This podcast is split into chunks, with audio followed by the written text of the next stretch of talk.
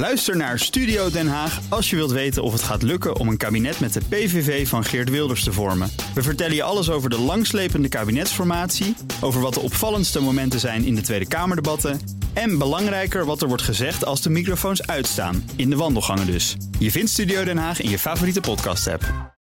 De column van Jaap Jansen. Ergens in de tweede helft van de jaren 80, Ruud Lubbers was premier, werd ik gebeld door Jort Kelder. Of ik die week tijd had om wat te drinken in een café bij mij om de hoek.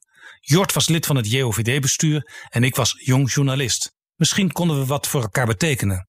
Bovendien wilde hij me voorstellen aan de toekomstige minister-president van Nederland.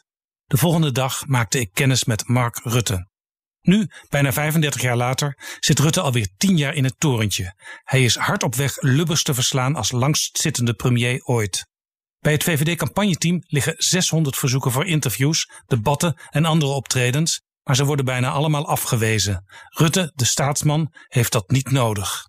Zijn coronapersconferenties met CDA-minister Hugo de Jonge aan zijn zijde, goed voor 5, 6 en enkele keer 7 miljoen kijkers, gaan wel door. Dinsdag vond Rutte ook nog tijd om voor het Jeugdjournaal op te treden in een speciale persco voor kinderen. Maar campagne voeren? Nee hoor. Zaterdag was Rutte op de radio te gast bij zijn vriend Jort.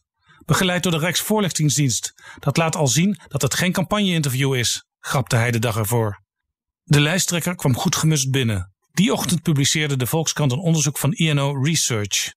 Ik ben zo trots, hoorden de luisteraars hem zeggen. De VVD is nu de enige volkspartij die hoog en laag, oost en west, stad en platteland, mensen met een bescheiden inkomen en een hoger inkomen, allochtoon en autochtoon met elkaar verenigt.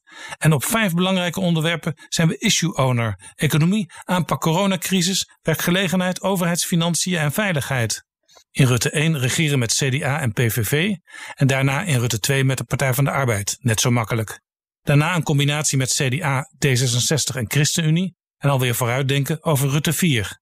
GroenLinks en SP kunnen prima meeregeren. Er is geen enkele partij die ze uitsluit, liet hij zich vorige week ontvallen.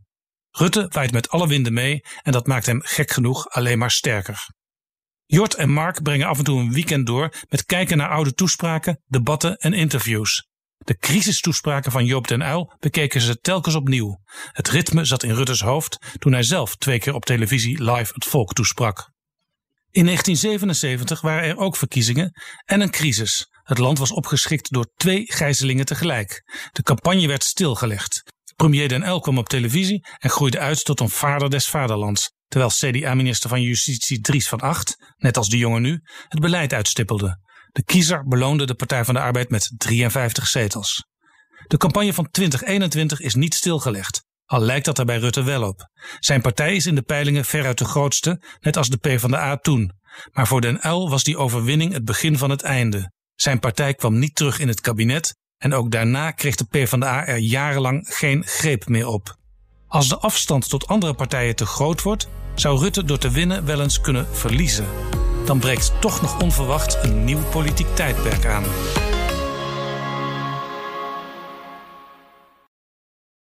Ook Thomas van Zeil vind je in de BNR-app. Je kunt live naar mij luisteren in Zaken doen, de BNR-app met breaking news, het laatste zakelijke nieuws en je vindt er alle BNR-podcasts, bijvoorbeeld Het Nieuwe Geld. Download nu de gratis BNR-app en blijf scherp.